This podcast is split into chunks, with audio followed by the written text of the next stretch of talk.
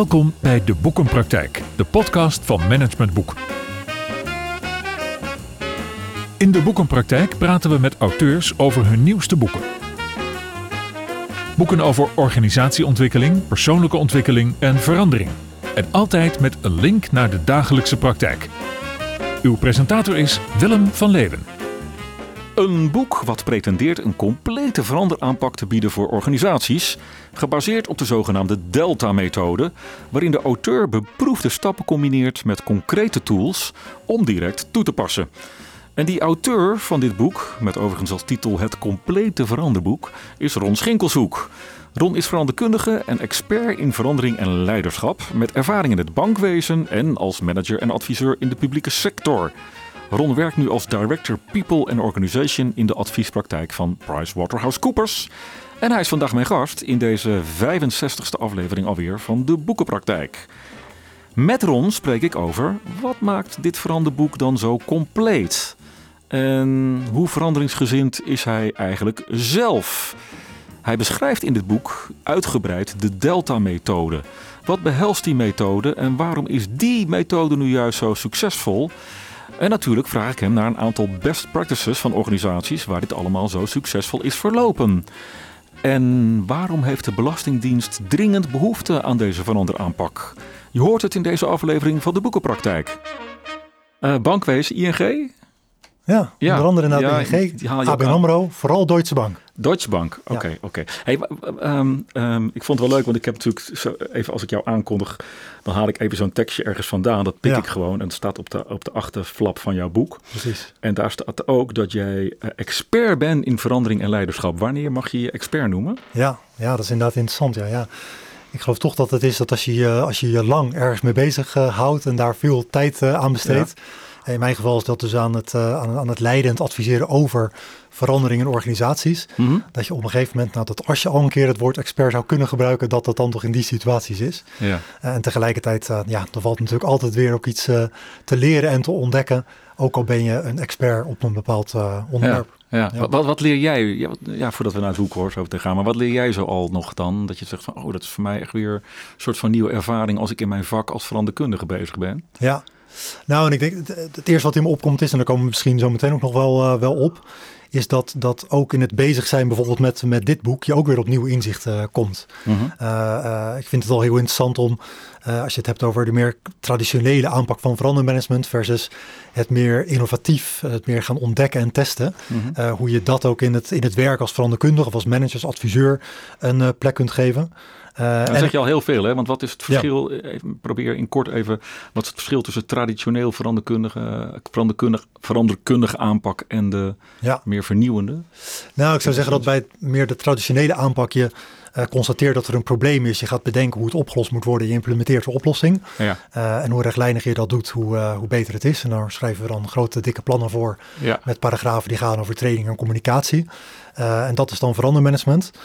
terwijl een meer ja, ik zou willen zeggen, wat modernere, vind ik ook wat frissere aanpak van verandermanagement, die wat meer geïnspireerd ook is door uh, uh, uh, methodes als design thinking of, of hoe inno innovators te werk gaan. Mm -hmm. Dan gaat het toch veel meer over, je hebt iets bedacht. En hoe kun je dat dan testen in de praktijk en kijken wat daarvan werkt. En wat ik een kunst vind en wat ik ook geprobeerd heb om in dit boek ook een goede plek te geven, is van hoe kun je niet die meer vernieuwendere manier van verandermanagement, of misschien wel überhaupt management, ja.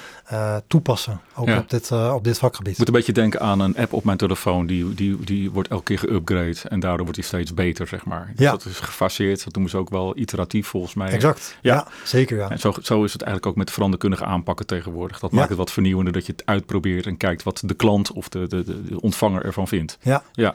En een ander ding wat in me opkomt is, ik, ik kom nu uh, nou, hier onderweg naartoe vanuit het kantoor. En vanmorgen hadden wij het over een toepassing van artificial intelligence. Hmm. Uh, als je nu inderdaad in ChatGPT een, een vraag stelt over, hey, we hebben een verandering in een organisatie, dat gaat hierover, dit is het type organisatie, beste ChatGPT, wat zijn de tien stappen die ik zou moeten doorlopen? Ja. Dan krijg je dus gewoon een verander aan, veranderkundige aanpak wow. uh, gepresenteerd op je scherm. Ja. Uh, en waar wij vanmorgen over aan het nadenken waren met elkaar en bespreken met elkaar, van hoe kun je dat nu toepassen op een manier dat het ook, nou ja, dat, dat je er iets aan hebt, dat het verantwoord is en dat je tegelijkertijd natuurlijk ook wel de menselijke slag maakt naar nou ja, naar de organisatie. Nou ja, het antwoord daarop is dat, dat het uh, bedoel, technisch gezien nogal uitmaakt welke prompts je in bijvoorbeeld een programma als ChatGPT stopt. Welke vragen stel je het? Hoeveel informatie geef je mee aan, aan, aan generatieve AI om, om, om voor jou op een antwoord te komen? Hoe meer informatie je geeft, hoe rijker het antwoord is wat je uit zo'n systeem haalt.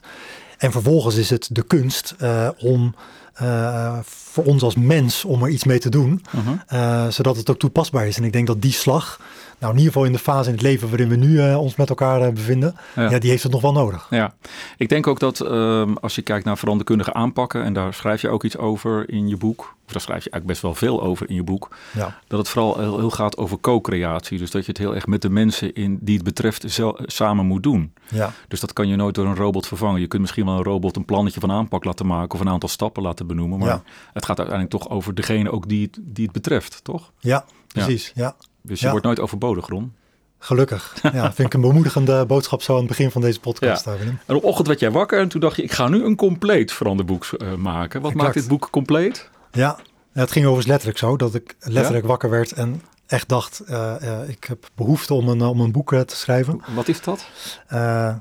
Ja, toch, toch dat inderdaad met aan de ene kant zelf met dat vakgebied bezig zijn. Mhm. En een toenemende mate, ik weet niet of dat het iets te maken heeft met zelf ook dan iets ouder worden.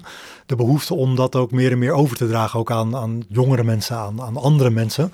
Ja. Uh, om, om iets van de eigen ervaringen en de eigen inzichten uh, over te brengen en hopelijk daarmee iemand uh, ja. te helpen. Ja. Uh, die, uh, die ook met uh, veranderingen bezig is op wat voor plek dan ook. Ja, want, want dat is wel een beetje de doelgroep volgens mij. Hè? In het voorgesprekje net, toen wij in deze compleet veranderende studio binnenkwamen overigens. Dat is ook weer een beetje om, om mijn veranderbereidheid te testen natuurlijk. Dat snap ik ja. wel, maar dat heeft terzijde. Maar toen hadden we het even dat voorgesprekje over het feit dat ehm, dit eigenlijk een soort van, ja, misschien wel een soort van studieboek is. Of in ieder geval een stappenplanboek voor degene die veranderingen leidt en begeleidt, lijkt mij. Het is ja. meer voor de adviseur en voor de coach en de trainer misschien ja. dan voor degene die het ondergaat. Kun je dat zo zeggen?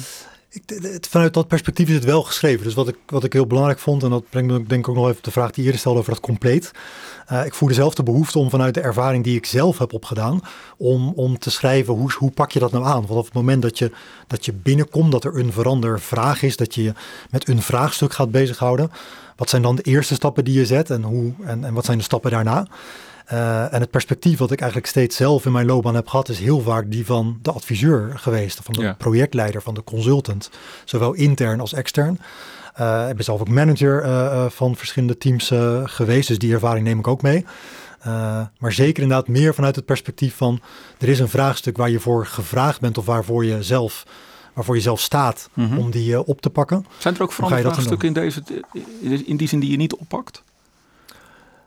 Uh, nou, ik, ik, weet niet of, of, of, je het zo bedoelt, maar ik kan me wel voorstellen dat, dat je kan niet altijd alles oppakken. Dus de vraag is natuurlijk sowieso al, als er meerdere veranderingen nodig zijn, mm -hmm. uh, wat doe je dan nu op dit moment wel en, en niet? Ja. Bedoel, daar komt toch wel een aspect bij van, van prioriteren. En dat is ook tegelijkertijd denk ik een punt wat, wat ik ook wel vaak ja, mis zie gaan, of in ieder geval uh, niet altijd goed zie gaan, is dat er soms zoveel veranderingen worden opgepakt. En tegen de tijd dat we de ene verandering goed en wel hebben doorgevoerd, dan is er weer een nieuw inzicht waardoor we het volgende weer oppakken. Waardoor er niet altijd is veranderd wat we beoogd hadden om te veranderen. Focus en less is more is hier denk ik wel een belangrijk principe wat jij ook in het boek ja, beschrijft. Ja. Zeker, ja. Ja, ja, ja. ja.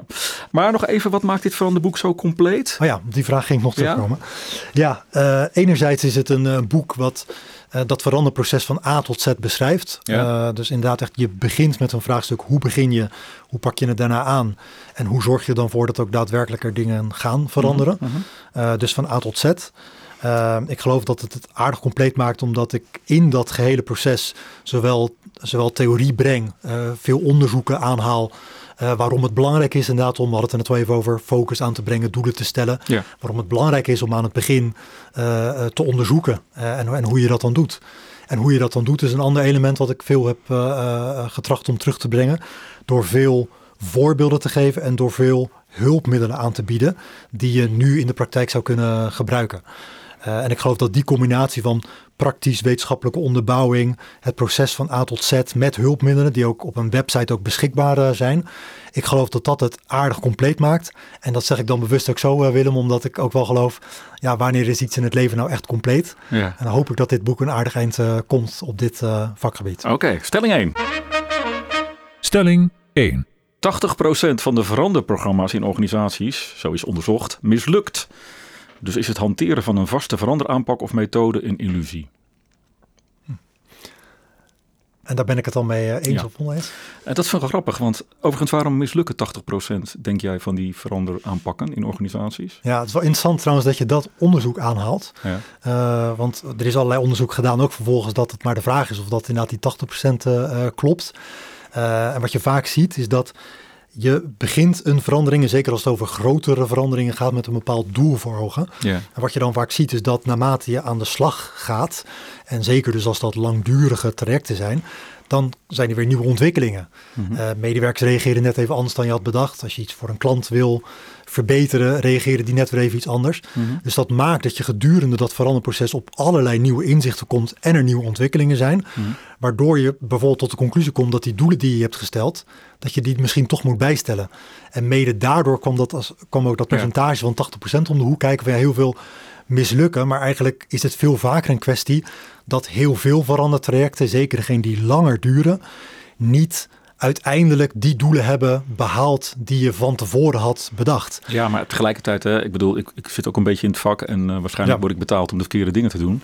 Maar ik merk bijvoorbeeld wel dat de doelen die gesteld worden bij verandertrajecten zijn vaak veel te groot. Hadden we het net mm. al even over. Veel te ver weg, veel te abstract. Ja raken de mensen dus niet. Precies. Veel mensen in organisaties zijn verandermoe. Daar gaan we weer. Weer zo'n nieuw traject. Ja. het woord traject wordt vaak al een beetje uitgespuugd. Ja. Uh, en er is dus ook wel wat weerstand. Of de, het, het, het, het, strategische niveau doet niet mee en wijst naar het middenmanagement en zegt het gaat vooral over die mensen. Ja. Kortom, ja, dat echte commitment om met elkaar nou eens een keer zo'n veranderstapje te maken, ja. dat ontbreekt zo vaak volgens mij. Ja. Ja, en ik ben het ook helemaal met je eens hoor. Dat naarmate er zeker, eh, waar we het net ook al over hadden, veel veranderingen zijn. En en, en, en de ene verandering zich op, hè, de, de andere snel opvolgt. Ja, uh, ja hoe meer uh, het ook lastiger, hoe lastiger het ook wordt om dat op een goede manier te begeleiden. en ik geloof ook zeker dat hoe groter je dat dus ook maakt, hoe, hoe, hoe groter de kans dat het dus ook niet slaagt. En, hm. en dat is ook iets wat ik in dit boek ook getracht heb om in die procesbeschrijving van van verandermanagement ook steeds naar voren te laten komen. Van zorg dat je je doelen heel scherp hebt, maar stel er ook niet te veel. Dus, dus zorg dat je een paar ja. Eh, doelen hebt waar je op focust. Waar je vervolgens iteratief aan de slag gaat om te gaan ontdekken. Hé, maar wat werkt hier nu werkelijk in de praktijk? Waarbij je dus beter, hè, à la een lean startup, zoals je dat uh, in, uh, bij ondernemers veel, veel, steeds veel vaker ziet liever kleine dingen. Ja, dat betekent dat je dus in steeds hele kleine stappen kleine dingen uitprobeert om te ervaren wat werkt hiervan, omdat er maar één manier is om erachter te komen of iets werkt. En dat geldt dus als ondernemer als jij iets nieuws op de markt wil brengen of een aanpassing van een product op de markt wil brengen of van een dienst. En ik geloof dus dat dat heel mooi toepasbaar is op verandermanagement. Uh, door juist niet aan die hele grote uh, meeslepende programma's te werken, maar het veel kleiner te houden, mhm. veel sneller in de praktijk te brengen. En dan is dat percentage wat jij noemt, gaat in mijn beleving ook omhoog. Mm -hmm. Maar het ging maar niet zozeer om het percentage. Het ging maar eigenlijk meer om het feit dat in die stelling ook iets wordt genoemd over het feit dat er veranderaanpakken die van tevoren helemaal van A tot Z zijn gedefinieerd niet werken. Ja, precies. En dat zeg jij, daar, daarvan zeg jij, daar ben ik het mee eens. En vervolgens kom je met een boek waarin een veranderaanpak van A tot Z is gedefinieerd. Ja, precies. Hoe zit dat? Ja, nou, wat, daar, daar zit hem, uh, daar, wat daarin zit is dat ik juist in die veranderaanpak um, juist um, stappen aanbiedt die juist heel erg over dat exploreren gaan. Mm -hmm. uh, dus wat ik zeker niet uh, voorschrijf of aangeef in dit boek is. Uh, um, dit, dit, zijn de, dit is de enige manier om veranderen, verandermanagement aan te pakken. Mm -hmm. Maar juist meer zorg dat je in het begin veel onderzoekt. Zorg dat je een aantal doelen stelt. Zorg dat je die gaat, gaat, testen in de praktijk. Ja. ja. precies. En dan, en dan geloof ik inderdaad wel dat als je het hebt over methode. Uh, soms lijkt het een wat, wat, nou, wat, wat, wat onprettiger of een wat viezer woord zelfs geworden. Mm -hmm. Terwijl ik geloof wel dat er in bepaalde dingen een goede volgorde zitten. Ja. Om daar een voorbeeld van te geven, ik geloof dat het wel degelijk nuttig is om eerst te onderzoeken, scherp te stellen wat er aan de hand is, doelen te stellen op ideeën te komen die je vervolgens gaat, gaat testen in de praktijk. Ja. En ik geloof dat die volgorde beter is dan maar een beetje. Laten we daar gelijk maar even heen gaan, want jij noemt dat de Delta-methode. Die bestaat uit, eigenlijk uit drie grote fasen. Hè? Dat is onderzoeken, ontdekken en ontwikkelen, geloof ik even uit mijn hoofd. Klopt dat? Die drie O's uh, van de Delta-methode? Ja, dus je gaat ontdekken, je gaat. Uh, oh, je gaat ont ontdekken, ontwikkelen en realiseren. Precies. Ja. ja. En uh, laten we even met het ontdekken beginnen, want dat vind ik een hele belangrijke stap eigenlijk, die misschien wel in veel veranderde aanpakken te grof en daarmee niet zorgvuldig genoeg wordt gedaan. Ja. Want dan gaat het volgens mij echt over um, wat is nou de echte verandervraag. Ja, precies. Kun je daar iets meer over vertellen, hoe, hoe, hoe, je, dat, hoe je dat ontdekt? Ja, nou ja, ten eerste inderdaad, ik, vond het heel belangrijk om daar veel aandacht aan te besteden. Omdat ik inderdaad ook geloof dat dat zo belangrijk is. Dat je echt gewoon goed weet van wat, wat speelt hier dan nu. Mm ik geloof dat een, dat een, een, een verander uh, behoefte kan ontstaan vanuit noodzaak of vanuit ambitie. Dus in sommige gevallen zul je een noodzaak in de praktijk hebben, waardoor het belangrijk is om te onderzoeken wat speelt er dan nu, waarom het dus noodzakelijk is om te gaan veranderen. En soms hoeft het niet per se in het hier en nu te liggen, maar kan het zijn dat je gewoon een bepaalde ambitie hebt. Mhm. Of denkt van, hé, we willen een nieuwe dienst of een nieuw product aanbieden en daar willen we naartoe. Ja. En ik geloof dat op het, uh, op het hoe uh, het heel belangrijk is om, om daar, ja, daar veel tijd aan te besteden. Dus ik heb in mijn boek veel, uh, uh, veel, veel opties aangereikt om in de praktijk te onderzoeken. Maar bijvoorbeeld, wat, wat laten we nou een, vraag, een verandervraag die, die, die ik wel eens heb gekregen, en waarschijnlijk jij ook wel in je, in je dagelijkse werk, die, die wordt dan gedefinieerd als uh, hoe kunnen we de, de samenwerking binnen onze organisatie tussen de verschillende teams of binnen de keten ja. verbeteren en versterken. Dat is dan zo'n verandervraag. Ja. En dat is natuurlijk eigenlijk helemaal niet concreet genoeg. Nee. Hoe, kan je dan eens iets noemen wat, je, wat jij of jullie dan in die delta, met die delta-methode gaan doen om die verandervraag te concretiseren? Ja, precies. Bij, bij zo'n voorbeeld? Ja. Nou, wat ik, wat ik bij dit voorbeeld en overigens ook bij andere voorbeelden zou, zou zeggen, is dat het heel belangrijk is om uh, in die onderzoekende fase naar verschillende aspecten te kijken. Dus gelijk die, ja, wat je dan integrale benadering zou kunnen noemen. Mm -hmm. uh, dus ja, het, uh, om het concreter te maken, in gesprek gaan met die medewerkers van die verschillende afdelingen. Ja. Hoe ervaren zij dan dat op dit moment? hoe ervaren zij die samenwerken en hoe ervaren ze dat in het dagelijks werk? En wat ik heel belangrijk vind en wat ik heb, heb, daarin heb aangehaald is, kijk ook breder naar hoe verlopen de processen? Hoe is de organisatie ingericht? Waar wordt op gestuurd? Mhm. Dus stel je voor dat je twee afdelingen hebt waarvan de wens is om mensen meer te laten samenwerken, maar de processen lopen.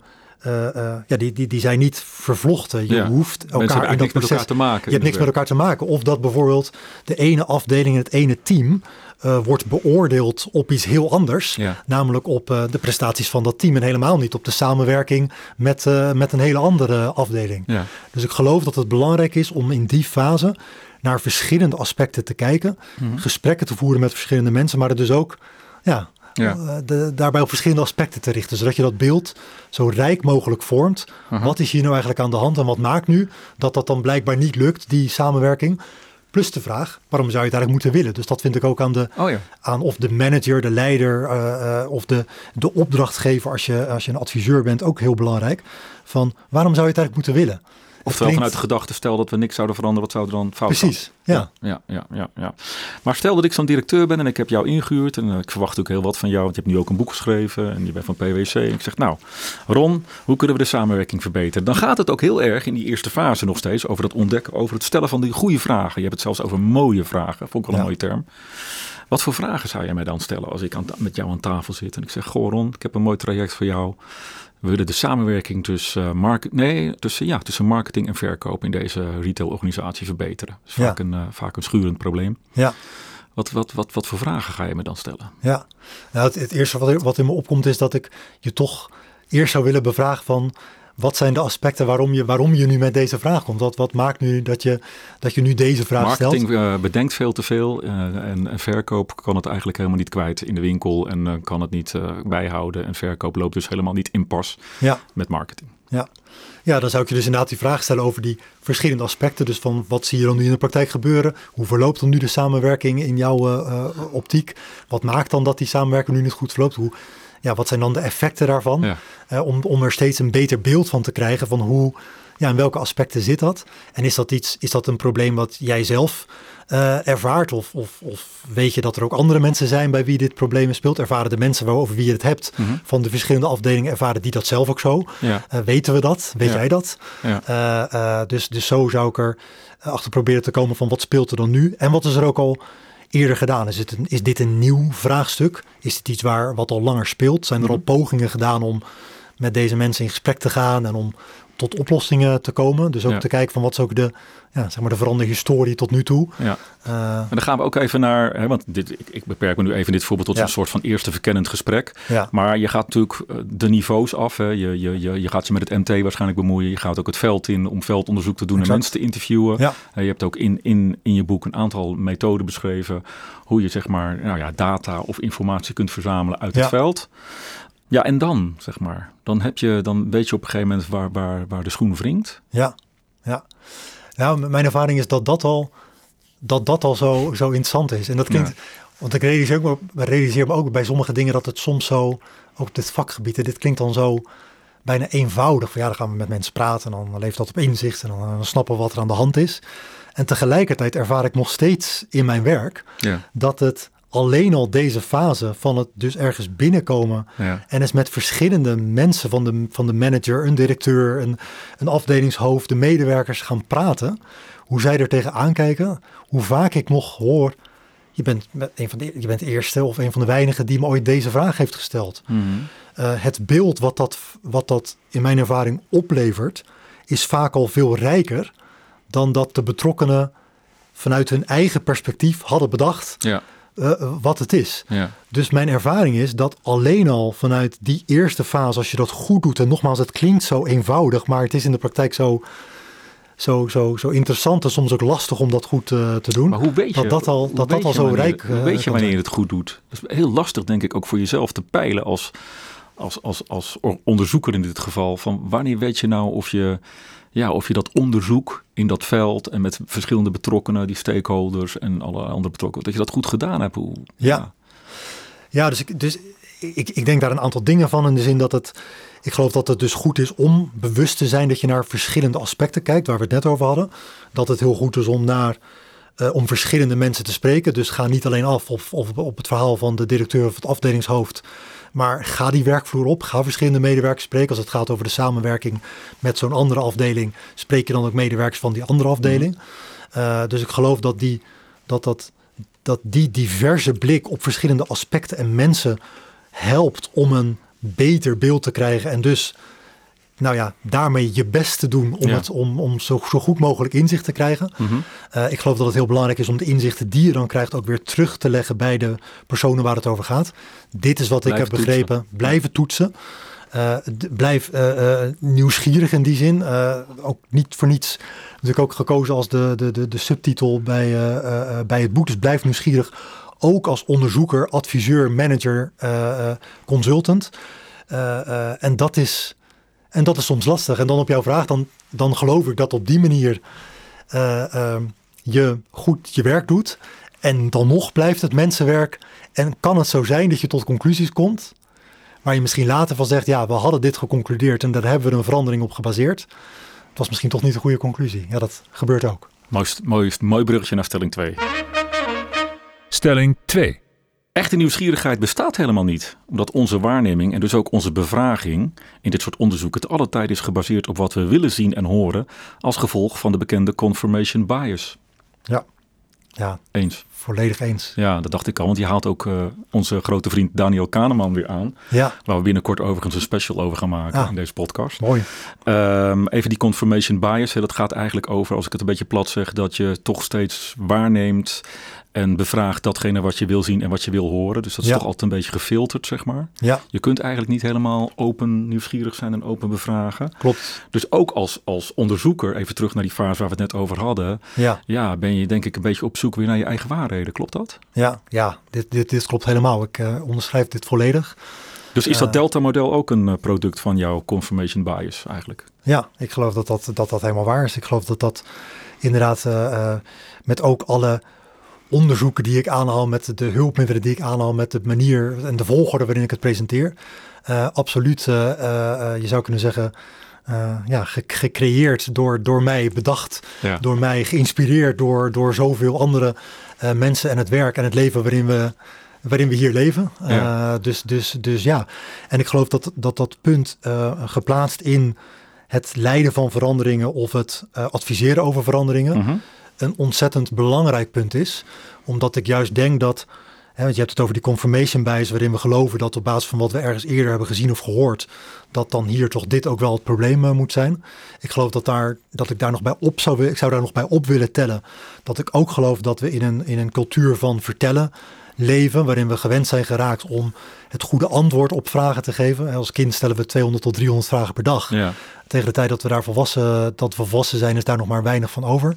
In een, in een antwoordgestuurde cultuur. Mhm. Eh, dus ik ook als adviseur, inderdaad ook. Ja. Komend dan bijvoorbeeld vanuit PwC, daar wordt ik van mij verwacht. En inderdaad, je zegt het, je hebt ook nu nog een boek geschreven. Er wordt verwacht dat ik ook met antwoorden kom, met adviezen. Ja. En tegelijkertijd geloof ik dat dus, ondanks die neiging om te vertellen en niet te bevragen, ondanks die confirmation bias die op de loer ligt, mhm. want ik heb het toch allemaal wel gezien en ik snap toch wat hier aan de hand is, ja. geloof ik dat het dus des te belangrijker is om dat te doen wat we net zeiden. Door gewoon je daar heel bewust van te zijn en nog meer vragen te gaan stellen om te, te snappen wat is hier aan de hand. En het vervolgens ook te gaan ervaren. Want als je het dan over die vervolgstap hebt, dan, dan vind ik het dus heel belangrijk, dan geloof ik dat het heel erg belangrijk is om dat wat je dan ook maar bedenkt en gelooft dat dat goed is, ja je dus zo snel mogelijk in de praktijk brengt om te ervaren, werkt dit dan wel? Ja, maar een van de eerste vragen van mij was, wanneer ben je expert in verandering en leiderschap? Nou, het antwoord zou ook kunnen zijn op het moment dat je daar een boek over hebt geschreven. Want tegenwoordig is bijna iedereen die een boek heeft geschreven, is, uh, die wordt uitgenodigd als speaker. En dat is een leider, zeg maar, of een expert, sorry. Ja. Dat, dat, dat schept misschien ook weer de verwachting dat als ik jou nu uitnodig en ik weet dat dat Ron Schinkelshoek is van het boek Het Complete Veranderboek, dat ik weet, ah, die komt met de Delta-methode onder zijn arm bij mij binnen en dan gaan we nu gewoon zo doen. Ja. Dus dat wordt misschien nog, nog meer een, een, een geframed. Ja. ja, en dat is ook juist dat is ook de oproep die ik ook in mijn boek wilde doen, ook met dat woord nieuwsgierigheid. Mhm. Eh, dat ik dus uh, eigenlijk, een, je zou kunnen zeggen, een appel op mezelf, op jou als, als veranderkundige, op andere veranderkundigen zou willen doen. Van ja, laten we met elkaar uh, die nieuwsgierigheid zo vasthouden. En dus aan de ene kant is het dus interessant dat ik inderdaad een methode leerde van nou pak het zo aan. Ja. En tegelijkertijd daar meer en meer, ook in het, in het maakproces van dit boek, ja. die nieuwsgierigheid doorheen heb, uh, heb willen weven van, van blijf je steeds bevragen en ervaren in de praktijk. Of dat wat we hier zien, dat het klopt, dat het wat we, wat we willen bereiken, dat het ook daadwerkelijk werkt. Mm -hmm. En dat die onderzoekende houding, cruciaal is om succesvol te zijn in ons vak en om succesvol veranderingen door te voeren. Ja, nog even toch, hè, want ik vind dat een hele belangrijke fase, dus ik blijf daar misschien een beetje in hangen hoor, in die ontdekfase. Ja. Um, maar mijn ervaring is dan ook, ik zit natuurlijk ook gewoon lekker uh, vanuit mijn confirmation bias al mijn vragen aan jou te stellen. Ja, ja. Um, dat al die, uh, al die mensen die je eigenlijk wil bevragen en vooral, mijn ervaring is ook wel op hoger niveau dat dat misschien nog wel meer speelt, dus op strategisch niveau, die zeggen ja, val me niet lastig, ga gewoon naar die manager toe en ga het veldonderzoek daar doen en ga daar gewoon aan de slag. Ja. Oftewel, wat maakt dat je de mensen meekrijgt in dat onderzoek en dat ze ook daadwerkelijk bevraagd willen worden vanuit jouw nieuwsgierigheid? Ja, nou, ik geloof inderdaad dat wel, ehm, eh, als, je, als je het hebt over een verandering en over, uh, over bijvoorbeeld inderdaad een directeur die doorverwijst naar, hey, uh, ga aan de slag waar het, waar het zich afspeelt en valt mij er niet mee lastig. Dat, nou ja, voor een deel gaat het dan goed, zou ik willen zeggen, in de zin dat het ook gaat over mhm. de plek waar blijkbaar iets aan de hand is of waar een ambitie is om iets te veranderen. En tegelijkertijd zou ik een appel op op die manager of directeur willen doen van ja, maar uiteindelijk gaat wat daar dan gebeurt in een organisatie, mhm zou toch moeten bijdragen aan het hogere doel wat je met deze organisatie hebt. Of de strategische doelen die jij als hogere manager hebt, uh, hebt geformuleerd. waar, jij, waar je naartoe zie ik vaak helemaal niet plaatsvinden. Ook niet in terminologie, zeg maar. Dus we hebben het wel over kernwaarden en visies en missies. Maar het, het, ik zie niet dat mensen op een afdeling, eh, als ik ze wakker maak, s ochtends gelijk de missie, de visie en de kernwaarden van de organisatie jubelend beginnen te roepen. Dus dat, dat landt helemaal niet, toch? Nee, Nee, precies. Nee, ik ben het helemaal, ik ben het met je eens. Uh, en tegelijkertijd geloof ik dat dus de kunst is om ook in die fase van doelen stellen. Hè, dus als je dan uh, weet wat er aan de hand is, of je weet wat de ambitie is om te gaan veranderen, dat op het moment dat je daar veranderdoelen aan, uh, aan, aan koppelt, dat het dus de, ik zou willen zeggen, de opdracht is van een leider, manager, adviseur, om te zorgen dat het gekoppeld wordt aan de strategische doelen van een organisatie. En dat als je dus als manager en adviseur, en adviseur weet welke richting uh, we met de organisatie opgaan, dat het de uitdaging is om het daar dus vooral wel aan te verbinden. Mhm. Eh, en om dat dan ook goed uit te kunnen leggen aan de medewerkers, zodat ze, zich, zodat ze ook zich realiseren, mhm. ja, dit zijn de gemeenschappelijke doelen waar we aan werken. Maar dat brengt ons wel weer op het punt van eerder, dat hoe meer verandering je dus teweeg wil brengen en hoe meer doelen, mhm. hoe meer kernwaarden, hoe meer strategische prioriteiten en mooie plannen er liggen, ja, hoe meer mensen afhaken. Sterker nog, ja, ik, ik haak zelf ook af. Ik, ben ook, ik kom natuurlijk ook in organisaties waar letterlijk lijstjes gemaakt zijn van de strategische prioriteiten, zes kernwaarden, de missie, de visie de purpose uh, en, een soort en, reflectie eerst van een verander aanpak zetten we op papier en dan leggen we het in de la en dan hebben we weer aan voldaan, zeg maar. Ja, dus ik zou dat gesprek dan ook wel aan willen gaan met de managers, zowel van de werkvloer als met de directeur van, maar waar gaat het nou echt om? En zou je niet eens moeten gaan prioriteren in wat is nou echt belangrijk, zodat je daar mensen ook kan, kunt verbinden, want je kan mensen niet verbinden aan nou, dat hele rijtje wat soort adviezen eh, die bijna, aan, die bijna uh, refereren aan een aantal randvoorwaarden, als die niet worden opgevolgd, is het dan, kan er ook een moment ontstaan dat, dat jij als, als, als veranderkundige zegt, ja, ik stop nu met deze, met deze klus of met deze opdracht, want ja, zo gaat het niet werken? Of, of, of is er altijd wel weer een gaatje waarvan je zegt, nou, dan neem ik die afslag om toch... Ja, ik denk dat, uh, ik zit me, even, ik zit me even af te vragen, ik geloof niet dat ik ooit eerder echt een echt iets gewoon volledig gestopt ben om, uh, om, om, om, deze reden.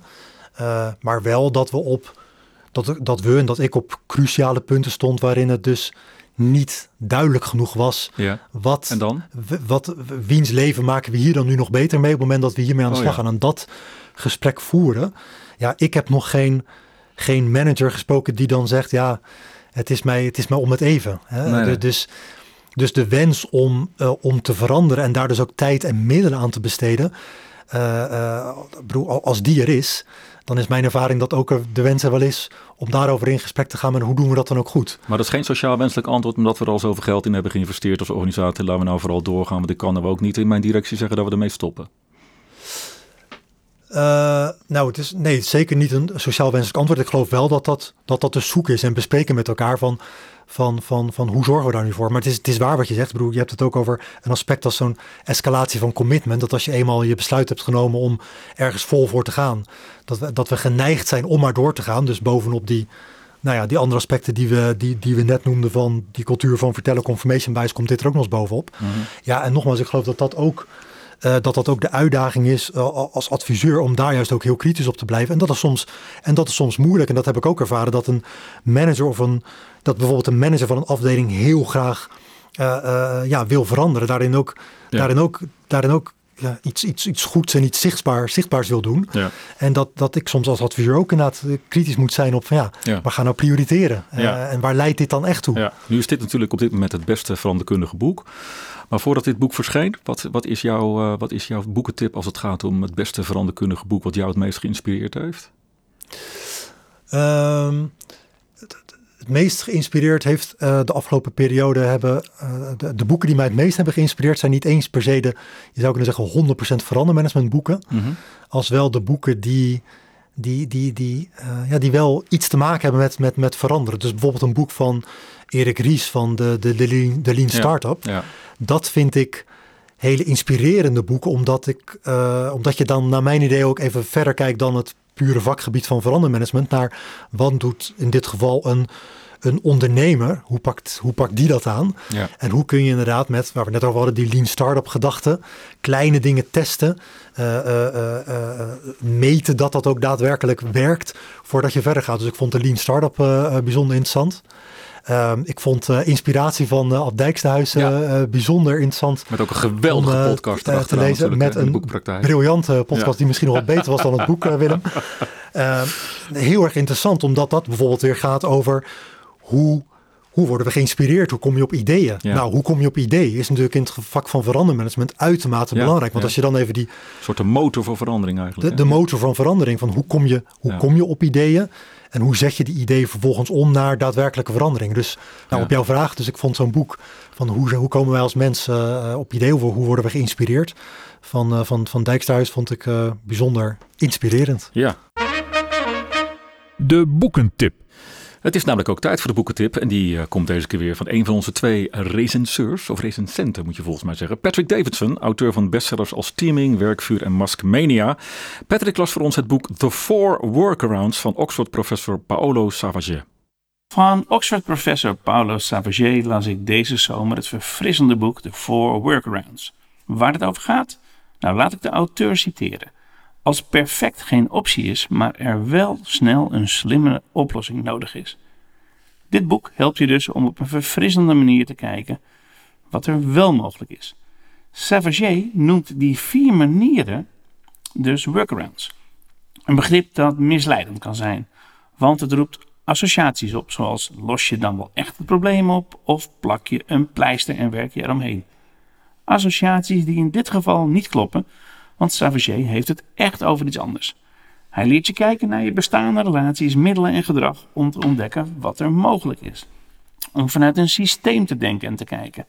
En om over silo's heen samen te werken. Wanneer hij spreekt over workarounds, dan gaat het in elk geval om minimale inspanningen met een grote positieve impact. Of zoals hij het noemt, massive wins with minimal resources. Eenvoud als basis dus, met soms de blik van een hacker, erop gericht om een systeem te kraken. Een prachtig voorbeeld uit het boek is de workaround die een Brits echtpaar bedacht voor doodsoorzaak nummer 2 onder kinderen in het Afrikaanse Zambia: diarree. En alhoewel een betaalbaar medicijn op de markt was, bereikte het de doelgroep niet.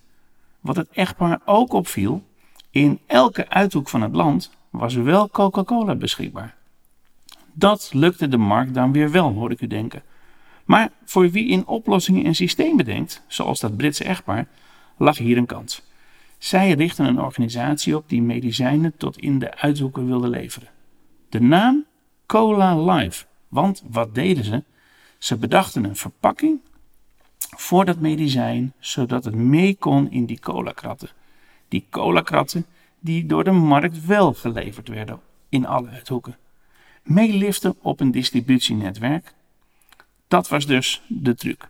Nou, de piggyback, zo heet die workaround in het Engels, is erop gebaseerd dat je je bestaande relaties en systemen eens goed doorlicht om te ontdekken wat er mogelijk is. En die eerste stap, het meeliften in die cola-kratten, dat leidde uiteindelijk tot samenspel binnen de distributieketen, waar partijen samen ontdekten hoe het continu slimmer kon. En daarmee veranderde het systeem. Benieuwd naar de andere drie workarounds en wat dat vergt van je leiderschap, de cultuur of je manier van samenwerken met andere partijen? Lees dan het boek The Four Workarounds van Oxford-professor Paulo Savage. Als perfect geen optie is, maar er wel snel een slimme oplossing nodig is, dan helpt dit boekje om op een verfrissende manier te kijken wat er mogelijk is. Mooi. De boekentip dus van Patrick Davidson. Terug naar onze gast Ron Schinkelshoek, naar aanleiding van zijn nieuwe boek Het Complete Veranderboek. Stelling 3. De derde stelling, Ron. Mensen willen wel veranderen, maar niet veranderd worden. Ja, eens. Ja, vaak merk ik dat mensen zelf helemaal niet zozeer de behoefte voelen om te veranderen. Eh, eh, dat merk ik eigenlijk zelf natuurlijk ook wel. Het gaat, als het gewoon goed gaat en die urgentie of die ambitie als push- en pull factor, die zijn er helemaal niet. Ja, dan, dan, dan kom ik ook niet zo snel in beweging. Dan vind ik het ook wel, mijn brein vindt het ook wel veilig om gewoon te blijven doen wat ik deed. Ik schrik dus al als de microfoon verplaatst is hè, in deze studio. Hoe veranderingsbereid ben jij zelf trouwens? Ja, ik zou zeggen dat ik aardig uh, veranderingsbereid ben, wat ook mijn werk wel met zich meebrengt. En tegelijkertijd merk ik ook dat ik ook wel heel erg hou van bepaalde tradities en van dingen die zijn zoals ze zijn. Ik bedoel, ik ben nu voor de derde keer op rij uh, met mijn partner naar Italië en naar Oostenrijk op vakantie gegaan. En dan lopen we weer in Italiaanse dorpjes en we zijn weer dezelfde cappuccino aan het drinken. En, en, en, en, vervolgens gaan we de bergen in en lopen we daar ja. weer hetzelfde rondje. Dus dat, dat ja, heerlijk. Dus, Daar, dus ja, het is wel een mix. Ja, ja. Ehm, maar even toch even over het, het, feit dat er een externe komt en die komt uiteindelijk toch als een soort van aanjager van de verandering. Hè? Zo, zo moet je dat misschien zien. Ehm, hoe, hoe ga je dan om met mensen die impliciet weerstand vertonen of die eigenlijk niet daadwerkelijk gecommitteerd zijn aan die, aan die verandering? Ja.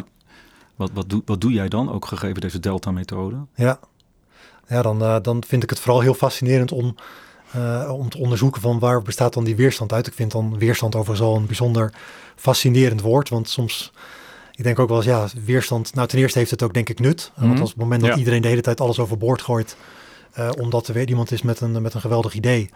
Uh, dan, ik denk dat, dat als organisaties ook in een aardige chaos belanden. Dus ik denk dat, dat, dat, het, dat het nut heeft en dat het vervolgens zaken is om te onderzoeken. Maar waar komt dit nu door? En dan is inderdaad mijn ervaring dat bijvoorbeeld dat aspect wat jij nu net noemt, hè, dat sommige mensen uh, dan de beleving kunnen hebben.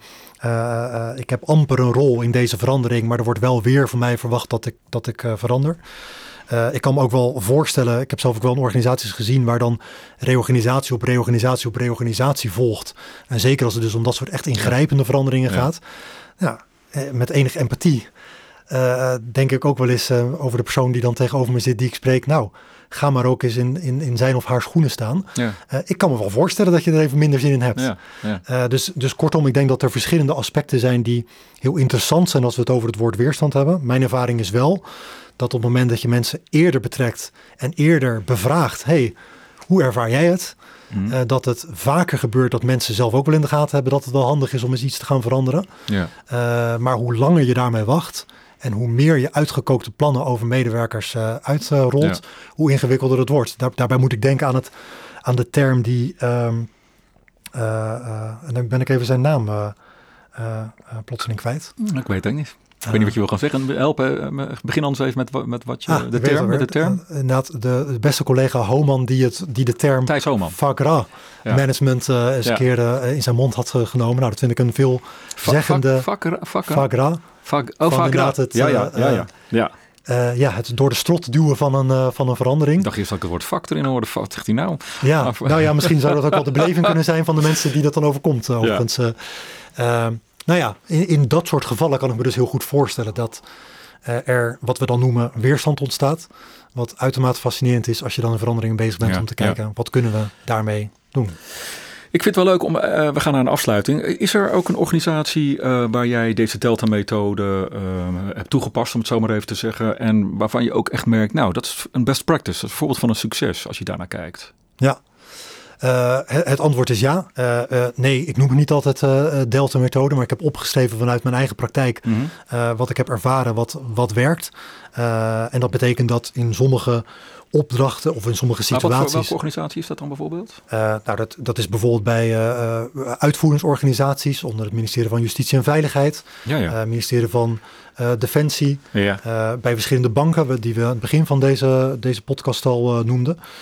dus bij verschillende organisaties aan veranderingen gewerkt. Mm waarbij ik met name ervaar dat aan de ene kant is dat onderzoek aan het begin. En aan de andere kant dat in de praktijk brengen van ideeën die er zijn om te veranderen. Dus bijvoorbeeld op dit moment ben ik bezig met een aantal collega's om het inkoopproces bij een organisatie eh, te verbeteren. Mhm. Dat gaat deels dus over het feitelijk inkoopproces, maar dat heeft natuurlijk alles te maken met, met samenwerking, met hoe mensen ook in, die, in dat traject zorgen dat, uh, dat, dat, dat producten en diensten worden ingekocht die ook weer bij gaan dragen aan, aan de doelen van de organisatie. En wat me daarin heel erg opvalt, ook weer, is dat het samen op ideeën komen, nou, geïnspireerd raken om, uh, om, om, om veranderingen door te voeren. Te bedenken van wat zouden dan onze veranderingen in ons werkproces en onze dagelijkse praktijk kunnen zijn. Mhm. Om die vervolgens dus bewust met elkaar ook te gaan testen. Dus laten we nu eens de komende periode gaan ervaren mhm. hoe het is om uh, om, om bepaalde om een kick-off bijeenkomst te organiseren uh, met, met de belangrijkste stakeholders. Hoe het is om, ja. om, je, om je doelen scherper op papier uh, te stellen of om ja. deze processtap te vereenvoudigen. Dat ervaren in de praktijk, ja. dat vind ik wel een, ja, een hele mooie en belangrijke stap waarvan ik heb ervaren dat het dus ook echt werkt. Je bent er wel bevlogen over, hè, Ron? En volgens mij, als ik gewoon geen vraag meer stel, ga je gewoon nog even door, of niet? Uh, dat klopt. ik heb overigens hetzelfde beeld van jou. Dat je deze podcast in het oneindige zou kunnen blijven voeren over, over al deze... Maar daar gaat Karin naast me moeilijk doen, dus ik moet... Uh, ja, precies. ja, dat moeten we niet willen. Um, toch even, hè? als je de krant leest of het, het, nieuws volgt of zo. Welke, welk bedrijf of organisatie gun jij op dit moment een, een, een veranderaanpak... omdat je eigenlijk constateert, daar moet iets gebeuren? Door wie zou je graag ingehuurd worden dat je zegt, oh, daar zou ik mijn tanden wel in willen bijten? Uh, ja, dat is een hele, dat is een interessante vraag. Waarbij er ook trouwens gelijk allerlei verschillende. Roep, roep maar hardop, denk maar hardop, dat mag hier allemaal. Ja, ik vind het uitermate fascinerend wat er gebeurt uh, uh, in de hoek van justitie en veiligheid. Als het gaat over bijvoorbeeld migratieketen. Oh ja. Uh, Belasting. Belastingdienst. Bedoel, en ook natuurlijk de hele strafrechtketen. Er zijn zoveel aspecten daarin die zo fascinerend zijn en die, de, die onze dagelijkse praktijk zo, zo raken. Mhm. Ja, en ik werk nu natuurlijk inderdaad ook in de publieke sector. En ik merk ook dat juist deze onderwerpen waarbij je ook bezig bent met organisatieverandering, waar dat grotere doel van nou, om het dan toch maar even zo te zeggen, een veiliger, beter Nederland uh, ja. mee gediend wordt, dat ik daar uh, ja, enthousiast van word. Dat ik daar dat mijn, mijn hart er ook sneller van gaat, gaat kloppen. Dus het zijn toch dat soort vraagstukken en organisaties waar ik dan vooral aan nou ja, doe mij dan een plezier ook als belastingbetaler. En laat je inhuren door de Belastingdienst. En kom volgend jaar in de podcast vertellen over waarom het succesvol is geweest, die veranderde aanpak van je. Klinkt als een, een mooie stap. Deal, ja, toch? Dankjewel Ron voor jouw deelname aan deze aflevering van de Boekenpraktijk. Ik ben weer wat wijzer geworden over alles wat er komt kijken bij een gestructureerde veranderaanpak in organisaties dankzij dit boek, het complete veranderboek. Ik verwijs jou als luisteraar van deze podcast weer heel graag naar de volgende aflevering. Die is over twee weken uiteraard weer op alle grote podcastkanalen te vinden. We spreken daarin uh, dit keer over de politiek. Want ja, de verkiezingen komen eraan. En we gaan praten met Titia Hogedoorn. Zij heeft een leuk boekje geschreven waarom je niet zomaar moet stemmen waar je ouders op stemmen. Dat is natuurlijk speciaal een boekje voor de jeugd. En daarom hebben we ook een jeugdige luisteraar uitgenodigd. Lotte van Koevoorde. Dus het is een, een driegesprek waarin we gaan kijken wat, uh, wat het advies van Titia daarin is. En nou, hoe Lotte daarmee omgaat als jeugdige stemmer. Rest mij hartelijk te danken voor het luisteren van deze podcast. Heb je vragen, opmerkingen of suggesties? Kom maar over de brug. Mail dat dan SVP naar Managementboek of naar info.managementboek.nl. En je kunt je natuurlijk ook op deze podcast abonneren. Dan hoef je nooit meer een aflevering te missen.